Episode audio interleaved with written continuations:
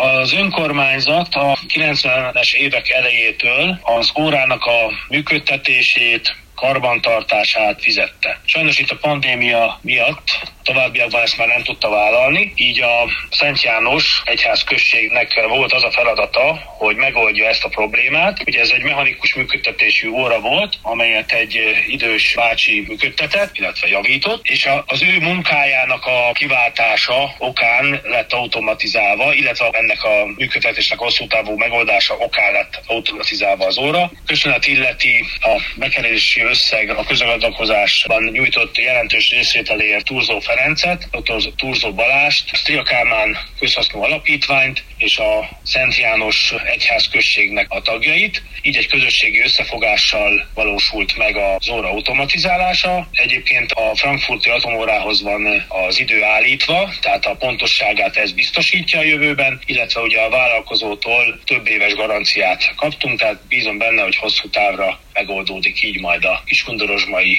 templomórának az ügye, úgyhogy nem áll meg az idő Kiskundorosban. Kértünk árajánlatot több vállalkozótól, végül egy kecskeméti cég nyerte meg a mi általunk kiírt ilyen kis közbeszerzést. Gyakorlatilag pár nap alatt elvégezték a munkát. Az automatizálás az konkrétan a mutatókra szerelt villanymotorral valósul meg, az automatizálás. Tehát innentől fogva nem a mechanikus óramű lett automatizálva, hanem csak maguk a mutatók, és a mutatók kapják a jelet, egy, egy rádió jelet, ami folyamatosan ugye beállítja magának a pontos időt, illetve lentről kvázi a sekrestjéből lehet irányítani mind a toronyóra működtetését, mind pedig a harang működtetését, mert ugye egyúttal harangokat is automatizáltul, úgyhogy a sekrestjéből gyakorlatilag a tornyot tudja irányítani a plébános úr vagy a sekrestés néni.